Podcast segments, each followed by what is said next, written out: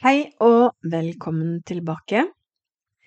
I dag tenkte jeg at jeg skulle snakke om hvordan jeg ubevisst manifesterte eh, over lengre tid, sånn at det, det ga meg inspirasjon, og det motiverte meg, og det gjorde meg åpen, fleksibel og kreativ uten at jeg visste det.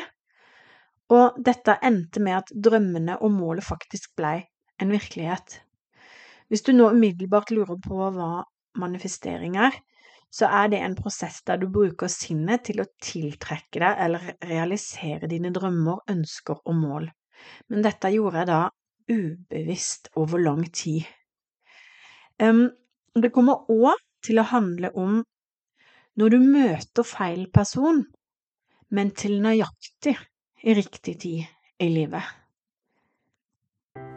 Jeg heter Line Steine, og jeg er så heldig at jeg får være mamma til en multihandikappa gutt på snart 18 år. Hvis du har lyst til å høre hvordan dette har berikt mitt liv, og hvordan det har fått meg til å vokse som menneske og sjel, så burde du høre på denne podkasten her.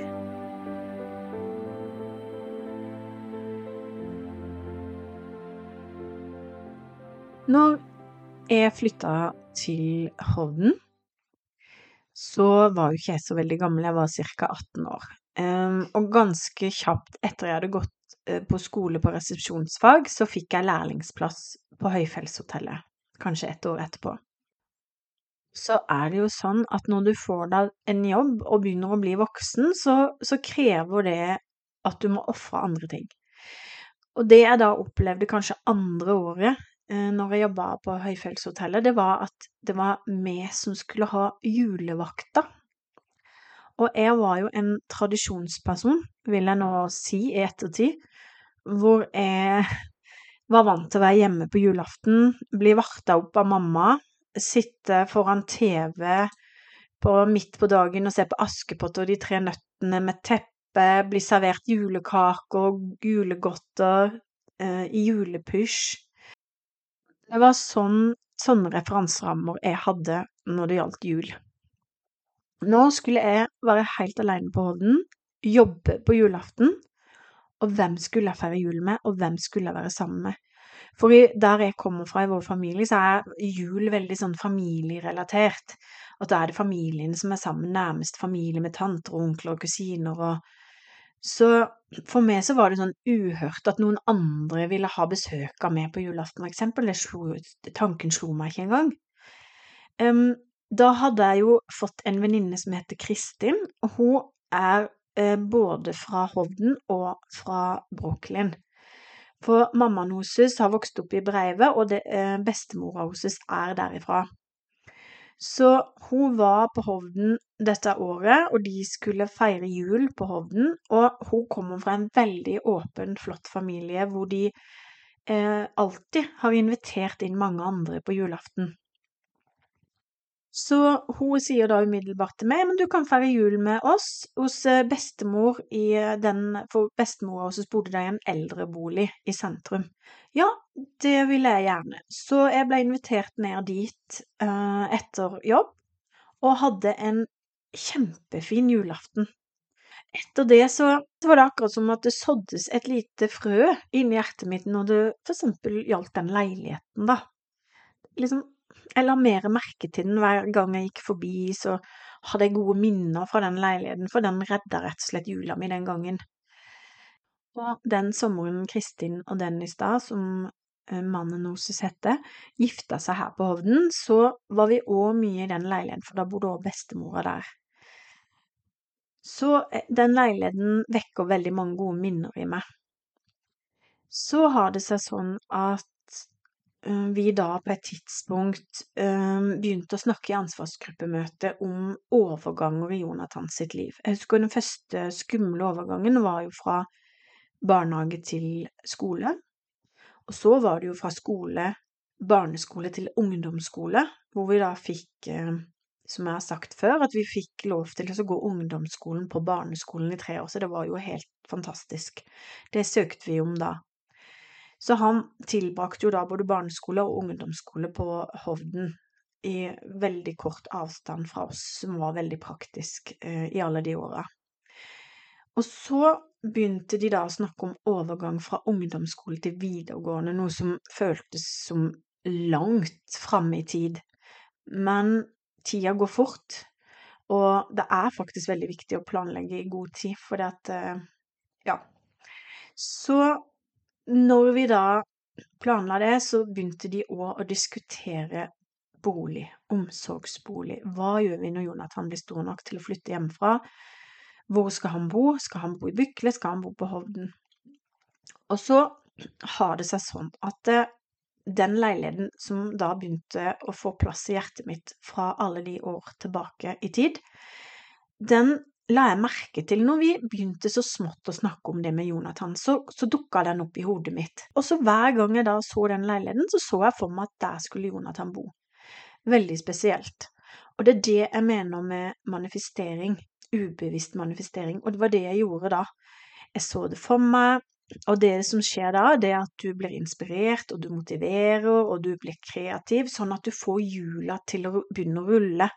Du drar i de riktige trådene, sånn at drømmen din kan bli virkelighet. Og det gjorde jeg uten at jeg skjønte det.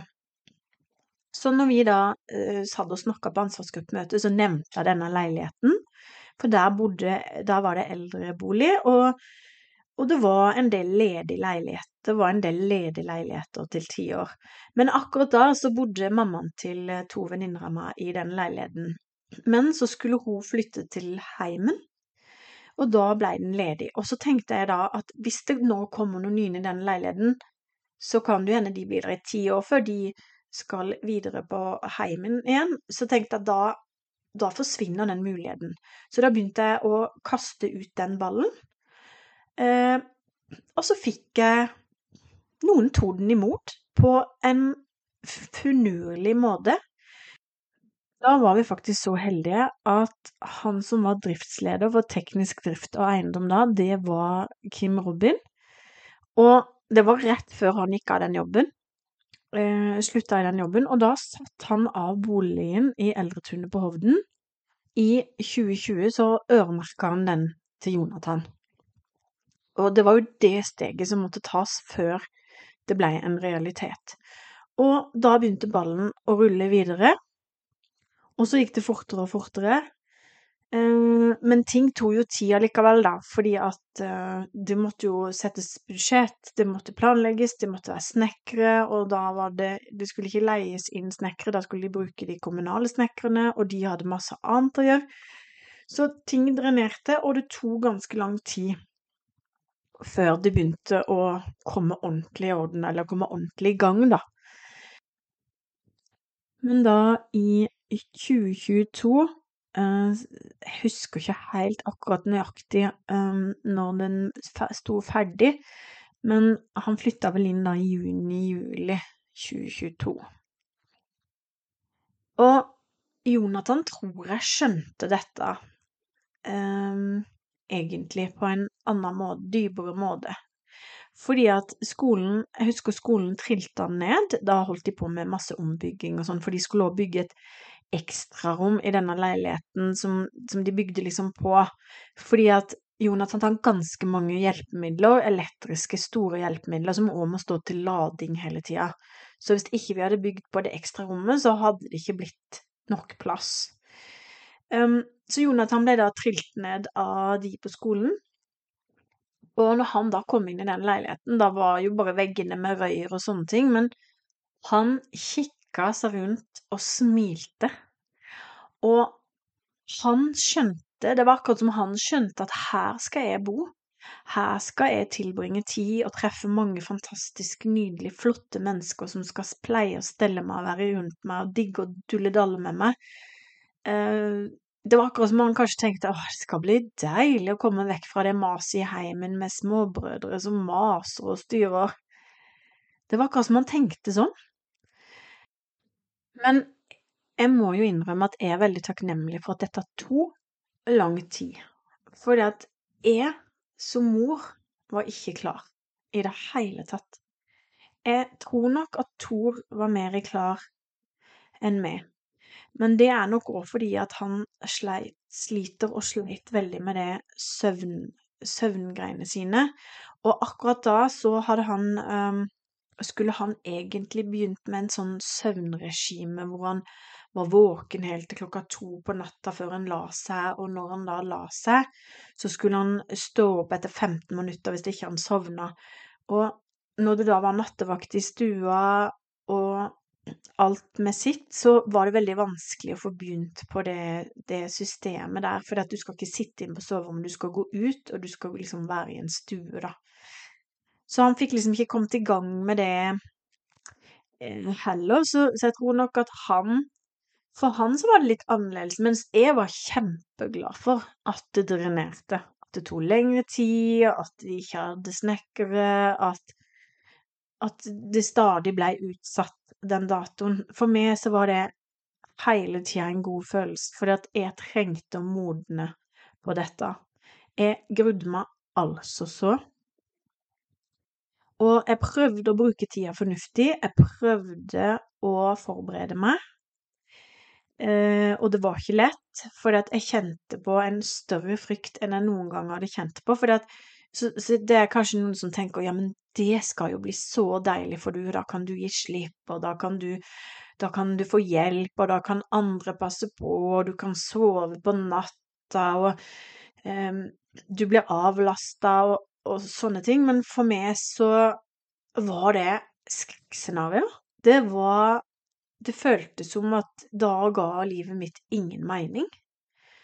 Så jeg jobba som sagt veldig med dette i denne perioden, og akkurat rundt det tidspunktet så blei jeg kjent med en ny uh, jente, fantastisk jente, som hadde bodd noen år på Hovden. Hun jobba sånn uh, offshore, sånn at hun hadde mye tid når hun ikke var på jobb. Og da begynte vi å henge litt sammen. Vi begynte å meditere eh, jevnlig, vi drakk te. Så begynte vi liksom å snakke og blei ble kjent, da. Og hun hadde da utdanna seg som hjertecoach, eh, Maren. Og Maren, hun hjalp meg da Da hadde jeg en eh, Jeg kjøpte vel tre tre eller fire sånne timer hos henne. Og det var kjempebra for min del, for det var så mye som jeg måtte gå gjennom og gi slipp på. Og jeg husker en av de første timene, da var det jeg prøvde liksom å få vekk noen av de kjettingene da, som var bundet til meg og Jonathan. Altså, de var så tjukke og svære, og det var så mange av de kjettingene, så jeg måtte fysisk sånn um, i fantasien klippe de av med en sånn avbitertang, og det gikk nesten ikke. Og likevel så klippa jeg ikke av alle, for det klarte jeg ikke. Så de der lenkene som jeg og han hadde, de var så sterke, og de er fremdeles veldig, veldig sterke. Um, og så nå i ettertid så traff jeg en um, veldig fantastisk person her på Hovden som jeg har hatt veldig gode, mange gode samtaler med. Og så sier jeg til han ja, men hodet mitt var jo bomull den gangen, for jeg levde jo i overlevelsesmodus, jeg hadde jo ikke plass til noe annet inni hodet mitt. Men så kikker han på meg, og så sier han men du hadde plass til det du skulle ha plass til. Og det traff meg så veldig, for det var akkurat Hodet mitt var fullt av det jeg trengte da.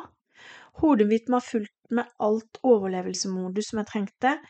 Eh, jeg hadde full kontroll på alt av Jonathan, medisin, legeavtaler, fysio, hjelpemidler Altså, jeg tok og dro i alle de trådene, og jeg hadde stålkontroll på alt, men det måtte jeg ha som mor, og hadde opparbeida meg den kontrollen fra han ble født til da.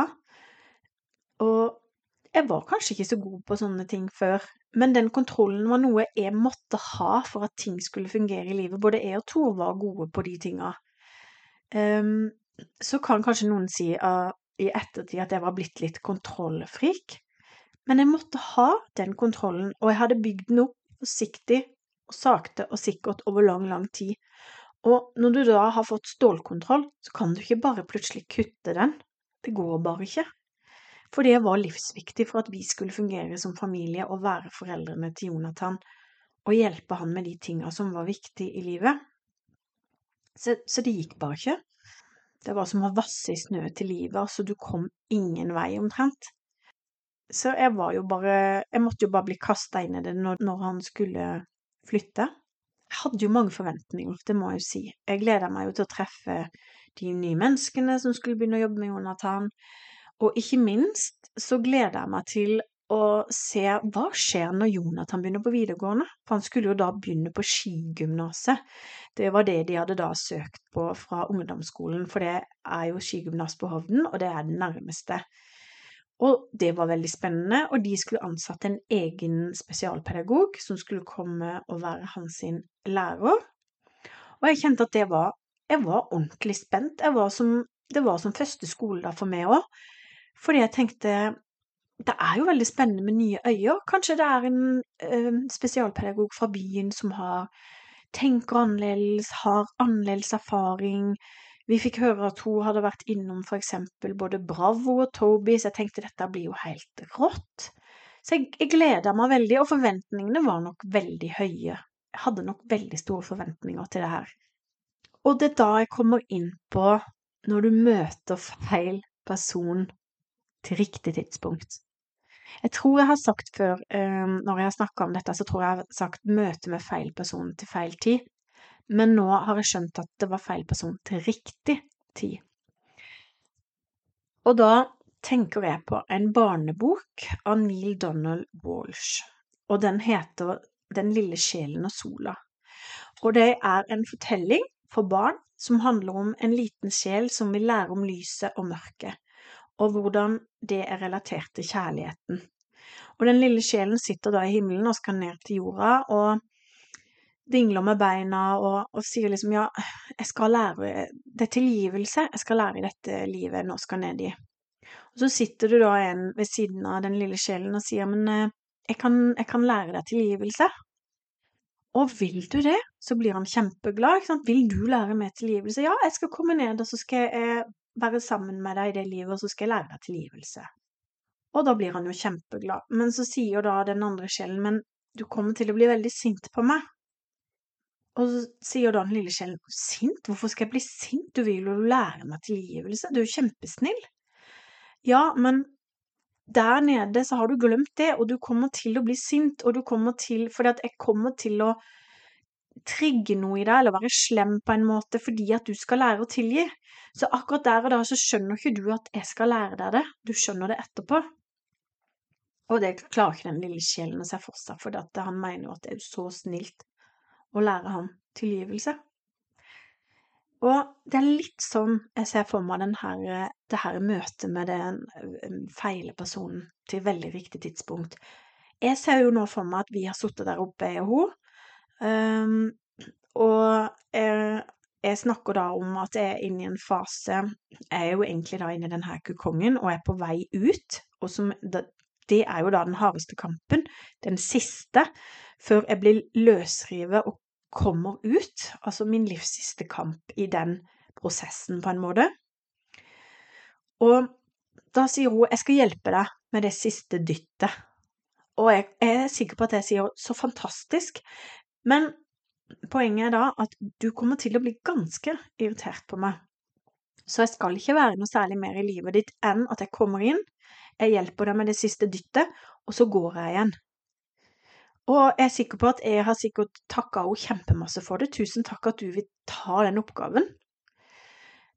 Fordi at det må ha vært en tøff oppgave. For jeg har aldri i mitt liv før vært så lei meg, så frustrert og så sint på et annet menneske. For meg så var det det verste menneskemøtet jeg hadde hatt eh, siden Jonathan ble født, og jeg hadde møtt veldig mange mennesker på den veien. Jeg syntes dette var kjempespennende. Jeg skulle møte mange nye personer som skulle komme inn i livet til Jonathan. Og for meg Jeg kjente jo sønnen min like godt som hendene mine. Og for meg så var det viktig at jeg skulle lære opp personalet, at eh, jeg skulle møte alle de andre som var der, og lære de å tolke og forstå Jonathan, fordi at han da ikke har det verbale språket for å uttrykke seg. Og jeg hadde jo da hatt blikket på denne gutten siden han kom til verden, og hadde aldri tatt det fra han. Og det var jo sånn jeg var trent opp gjennom alle de åra. Så øynene hans var det første jeg søkte når jeg kom inn i et rom. Og blikket hans det kunne fortelle meg mer enn tusen ord. Det kunne fortelle meg om han hadde det greit, vondt, om han satt litt rart, eller om han hadde en brett på tøyet, eller om han klødde, om han hadde problemer med pusten, om han var trøtt, for, øh, forventning og glede, om han var lei seg, sulten, tørst, om han måtte på do, eller om det var et anfall på vei. Alt det kunne han fortelle meg. Eller eksempel om han trengte nærhet, oksygen, C-papp, om det var noe som måtte rettes på, armen som la skeivt, om det var press på skinna i beinet, om han trengte kjærlighet, om han trengte å legges ned eller å settes opp. Og det var jo det som skjedde da når, når han hadde flyttet inn i denne leiligheten, så kommer jo jeg inn der, og det første jeg leter etter når jeg kommer inn i rommet, det er blikket til Jonathan, for det gir meg så mange svar. Og det som da skjer, det er det at jeg tenker nok høyt. Så jeg kommer inn og ser han, og sier 'oi ja, Jonathan'. Så begynner jeg å rette på han. Jeg retter kanskje på armen, jeg retter på hodet, jeg retter på et øre som la i klem. Eh, ordner han på håret hvis det var litt sånn ikke helt riktig på plass. Jeg smørte lippene. Altså, jeg gikk rett inn og ordna ting med en gang jeg kom, for det var det jeg Det bare ligger naturlig i meg, og jeg var vant til å gjøre dette i alle de her åra. Og det jeg da glemmer, jeg glemmer det mennesket som sto ved siden av Jonathan. Og det mennesket får jo da en følelse av at oi, jeg har ikke gjort ting riktig. Og det var jo virkelig, virkelig ikke min hensikt at det mennesket skulle føle at den hadde gjort noe galt, for det mennesket hadde ikke gjort noen ting galt. Men det bare hadde ikke det samme blikket på sønnen min som det jeg hadde, etter alle de åra. Så det var da jeg begynte å kjenne på at jeg begynte å slite veldig, da. Fordi at jeg kjente jo at de menneskene ble jo usikre. Men jeg klarte jo ikke å la være. Jeg klarte jo ikke å la være å se gutten min og, og gjøre de tinga. Så dette var jo en tilvenningsprosess for meg også, hvor jeg tenkte at ok, jeg må prøve å tilnærme meg, kanskje jeg kan vente et par minutter før jeg retter på han. Så, så det her var jo en eh, Det måtte gå seg til for meg òg, for dette var jo helt nytt for meg også. Så dette blei jo da litt vanskelig, både for meg og for de nye menneskene som var kommet inn i Jonathan sitt liv, for jeg var rett og slett en veldig hønemor. Så var det jo sånn at Jonathan skulle begynne på videregående, og han flytta jo da inn på sommeren, så det var jo ganske kjapt eh, etterpå at jeg fikk lov til å møte denne spesialpedagogen som da var ansatt på skigymnaset. Og jeg gleda meg jo da veldig til dette. Jeg husker at første møte med henne var kjempehyggelig. Vi satt ned, jeg fortalte om Jonathan og litt historien om han, og hvordan han hva han likte å gjøre, hvordan det hadde vært fra, liksom, fra han var født, og, og, litt sånn grovt fortalt, da.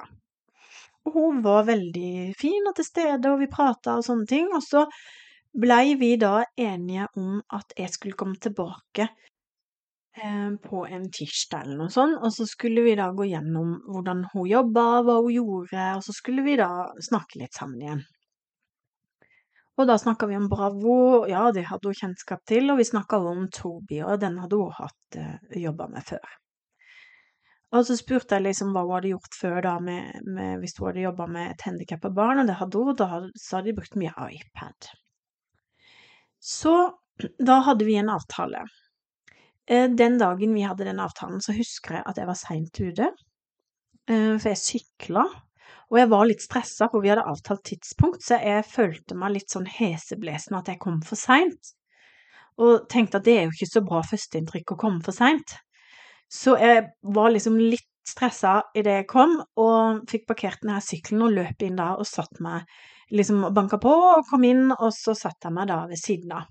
Og da holdt de på å lese en eh, bok, eller hun holdt en bok, og så satte jeg meg da ned ved siden av Jonathan, og så sier jeg liksom ja, hva er det dere leser for noe, da? Så begynte det sykeste å skje. Da kikker hun på meg, og så sier hun, du kan ikke komme inn her og kontrollere meg. Jeg vil ikke ha noen i min undervisning. Uh, jeg skjønte ingenting. Jeg svarte, ja, men hadde ikke vi en avtale om at jeg skulle komme på besøk og se hva du gjorde da? Ja, men da kan jeg gå og ta meg en kopp kaffe, da, og så kan du eh, se hva vi driver med. Og så sa jeg, men grunnen er jo at jeg skal være sammen med dere. Uh, og da kikker hun på meg og sier men han har sovet hver gang, har ingen fortalt deg det? Og så begynte hun å heve stemmen. Og, og blei liksom litt hissig. Og så sier hun jo det som kanskje sårte meg aller, aller mest. Og da sier dama alle her snakker jo om hvordan du er. Du er veldig kontrollerende, og det er en liten plass. Og det var som en knyttneve i magen min, fordi at jeg var jo kanskje litt kontrollerende. Jeg må jo, og for meg så har ordet kontrollerende vært et veldig negativt lada ord, men i ettertid nå så har jeg jo sett at jeg var jo kontrollerende, og jeg måtte være det for det var jo det som hadde gjort at vi hadde overlevd alle de her åra, fordi at jeg hadde kontroll.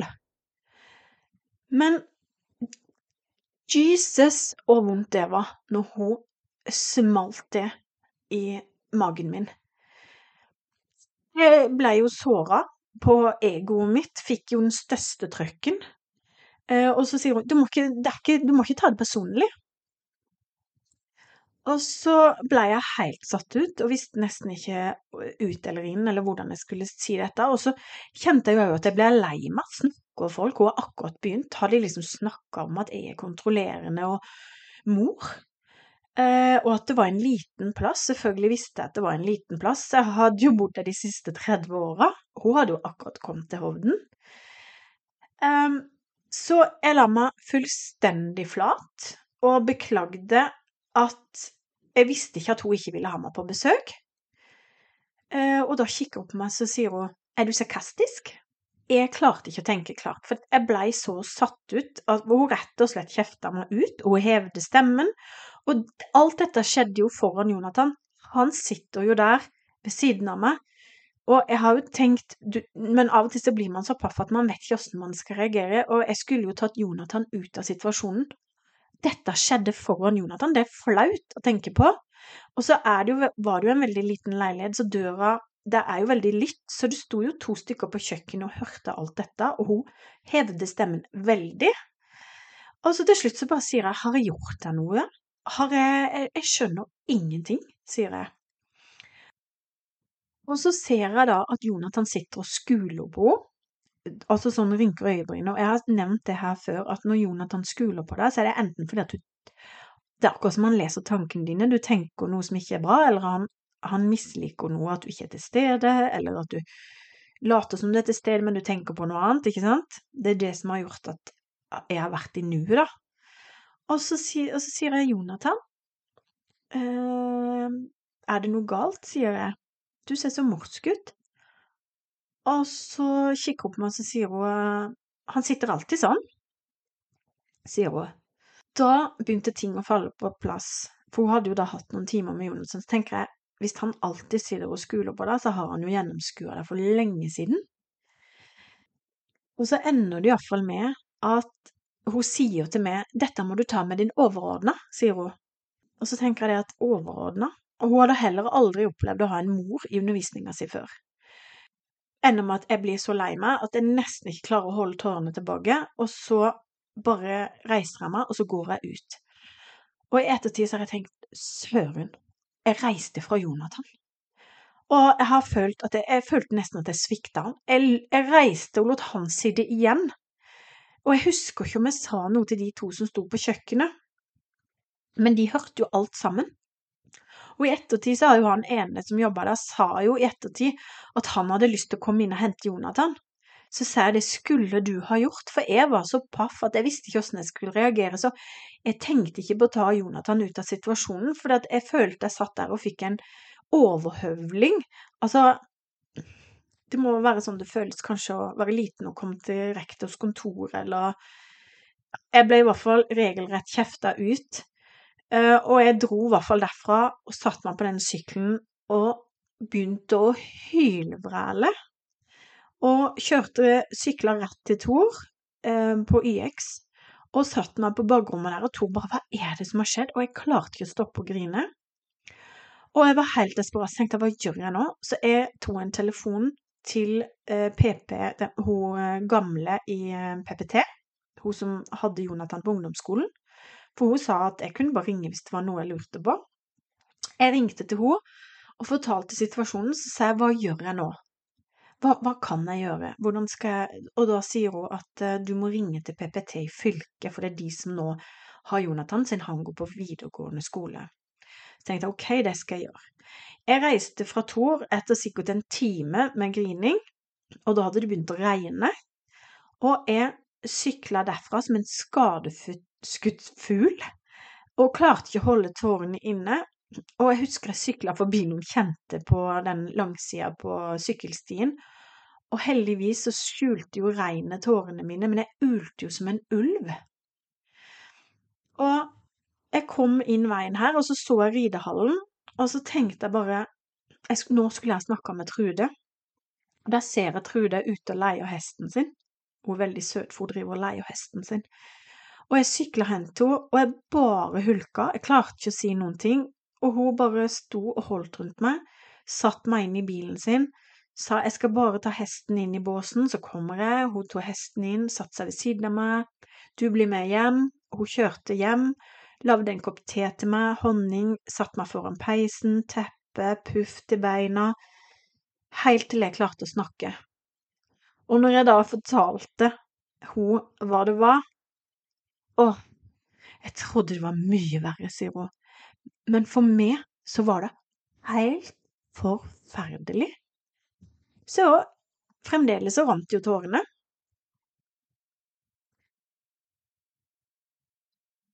Og Trude er jo da klar i hodet i sånne tidspunkter og spør meg de riktige spørsmåla, og så tenkte jeg, syns ikke du dette er ille? Men det var jo det at jeg var blitt trøkka på personlig Altså, mitt ego var blitt skadeskutt, rett og slett, idet hun sa at de snakka om meg, og jeg var en kontrollerende mor. Det var da verden min reiste sammen.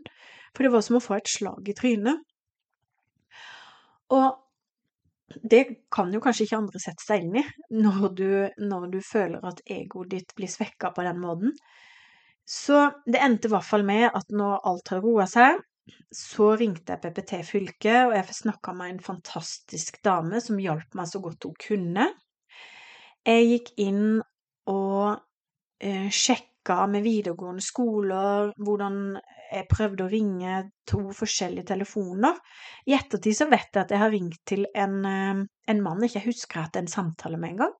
Jeg traff han tilfeldigvis på en kunstkafé her oppe på Hovden, og så syns jeg det var noe kjent med stemmen, og så sier han ja, vi har snakket på telefonen, da var du ganske frustrert. Og for å være helt ærlig, jeg kunne ikke erindre at jeg hadde snakka med denne mannen, så jeg må jo ha vært helt ute av mitt gode skinn i denne, i denne epoken her. Og det som òg skjedde, var det at den dama tok nattesøvnen fra meg. Da la jeg våken og funderte på hvordan jeg skulle klare å redde Jonathan ut av dette. Og jeg husker neste gang jeg kom til Jonathan, så hadde han Tobin oppe, og så plutselig så kom han inn på noe på det programmet hvor eh, For den snakker også, den maskinen foran. Hvis han ser på noe, så lager den setninger høyt. Og da sier jo den maskinen Da går han inn på noe jeg aldri har sett før. Mamma, hjelp meg. Mamma, hjelp meg. Mamma, hjelp meg. Og han sikkert tok det 10-15 ganger. Og så tenkte jeg bare Så kikker jeg på Jonathan og sier ja, mamma skal hjelpe deg. Dette skal vi få til. Dette skal vi finne ut av. Og så begynte jeg å snakke litt med de som jobber der, og de er jo selvfølgelig lojale og fantastiske mennesker, men det som de syntes var vanskelig, det var at eh, hun her bare kom snikende inn i leiligheten, plutselig bare sto i stua. Hun tok bare Jonathan med seg, trilte han ut av situasjonen uten å si hei eller være til stede. Og det var de litt frustrert for, og de fikk ikke lov å komme inn og se. Og så er det sånn at Jonathan må jo ha helsepersonal med seg som kjenner han når han sitter i en sånn situasjon. Um, hun kjente jo ikke Jonathan, så hun kunne jo ikke vite om ok, puster han dårlig nå, er metningen veldig lav, trenger han oksygen, trenger han hjelp, sitter han vondt? De tinga kunne jo ikke hun avgjøre, for hun kjente jo ikke gutten.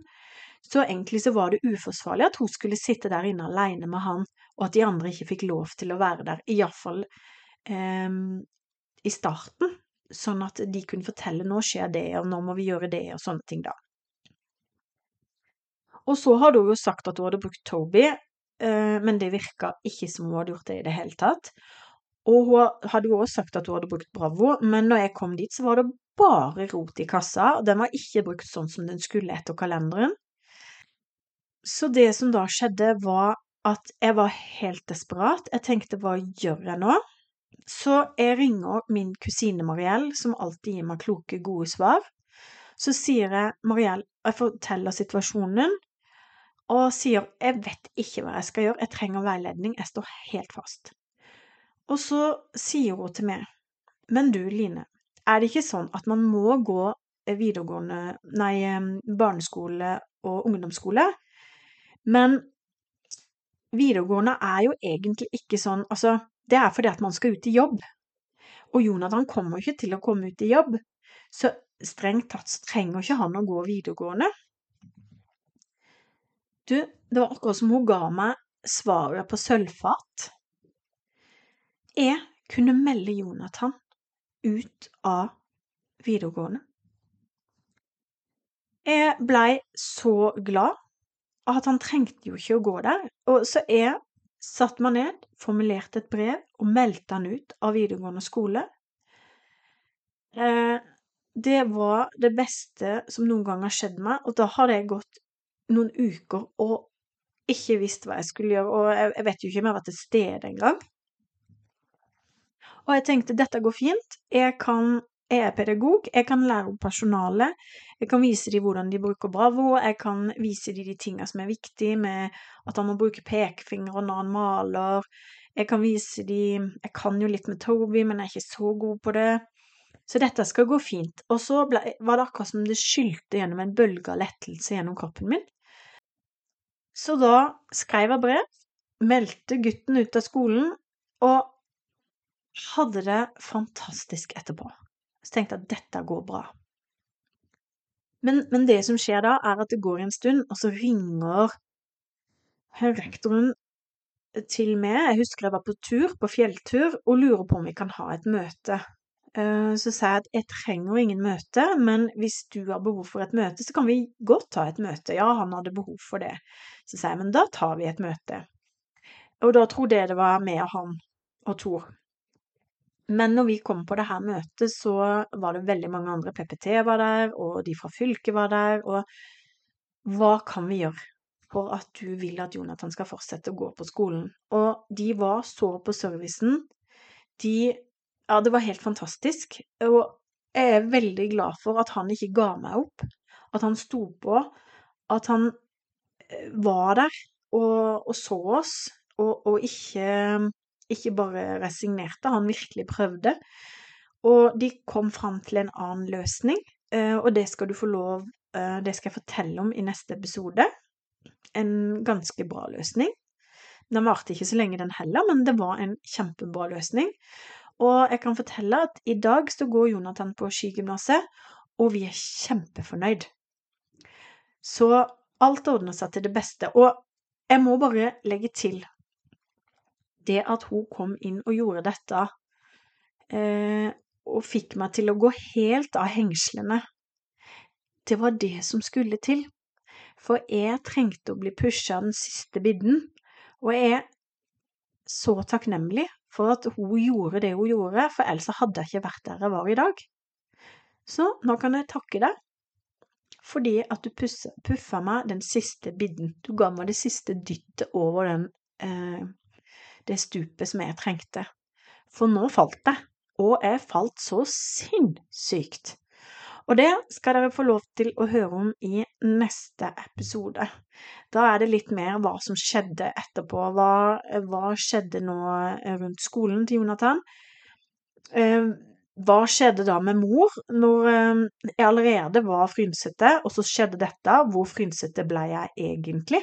Hvor, eh, hvor tynnslitt går det an å bli som mor i, i, sånn, i en sånn situasjon?